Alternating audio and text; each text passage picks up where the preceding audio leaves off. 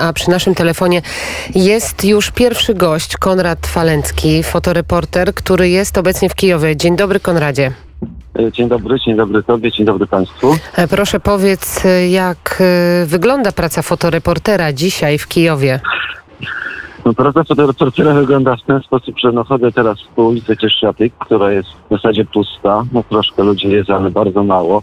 Wszystkie sklepy są pozamykane. Tutaj jest spokój. Generalnie nic się tutaj w całym centrum Kijowa nie wydarzyło. Informacje, jakie tam docierają do nas, to no, z ostatnich tam pół godziny czy 40 minut, że e, lotnisko Antonow pod Kijowem, to jest 40 km od Kijowa, zostało zaatakowane przez helikoptery. To wiemy.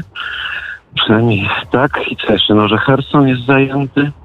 Są tam walki? To, to są informacje pozyskane, to jest Kijowa bez potwierdzenia, ale takie, takie do nas tutaj docierają. No, miasto opustoszałe, faktycznie pusto na ulicach, tak? No, tak to wygląda. A jak dzisiejsza noc przebiegała w Kijowie? Jak spędziliście ten, ten poranek ten, i- i tę noc? No, powiem szczerze, że tu się nic, no ja nie, nic nie słyszałem, nic się nie wydarzyło. Yy, Bo jesteśmy w ścisłym centrum, tak? Jesteśmy 300 metrów od Majdanu w tym momencie, czy może powiem od hotelu Ukraina, to może słuchacze sobie bardziej to wyobrażą, w którym miejscu jestem, na Chryszczatyku na głównej ulicy. Życie trochę zamarło, tak? No trochę teraz więcej ludzi się pojawiło, bo no nie wiem, nikt się chyba tu nie spodziewał ataku na miasto bombowego czy rakietowego, no. No, więc tak to wygląda na chwilę obecną.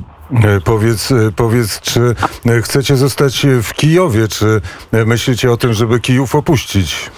No więc na razie, na razie zostajemy w Kijowie. Jestem tutaj z kolegą Marcinem Mamoniem, dziennikarzem, tak. I, I na razie zostajemy w Kijowie na pewno tą noc i czekamy na, na rozwój no, dalszych, no, zobaczymy co się będzie działo. No, no, nie ewakuujemy się na pewno. E, Powiedz, e, e, sklepy są e, nadal otwarte. Paweł Bobowicz przespacerował się Ech. przez, Tak?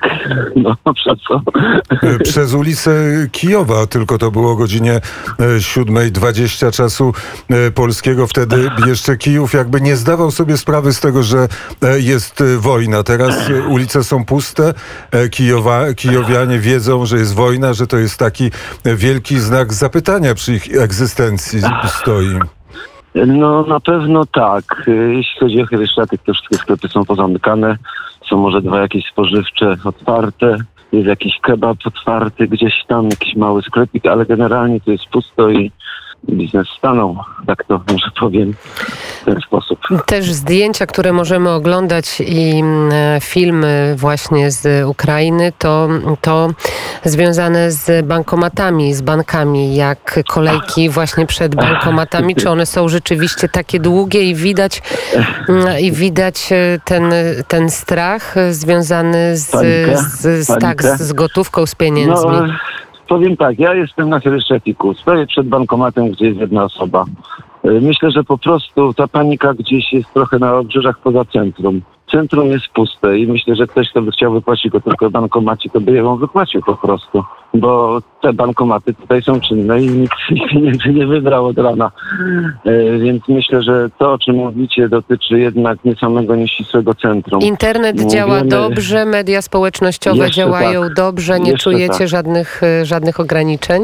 Nie, kompletnie nie. E, Natomiast no, e, poranek był taki, że ulice wyjazdowe z Lwowa były kompletnie zakorkowane, tak?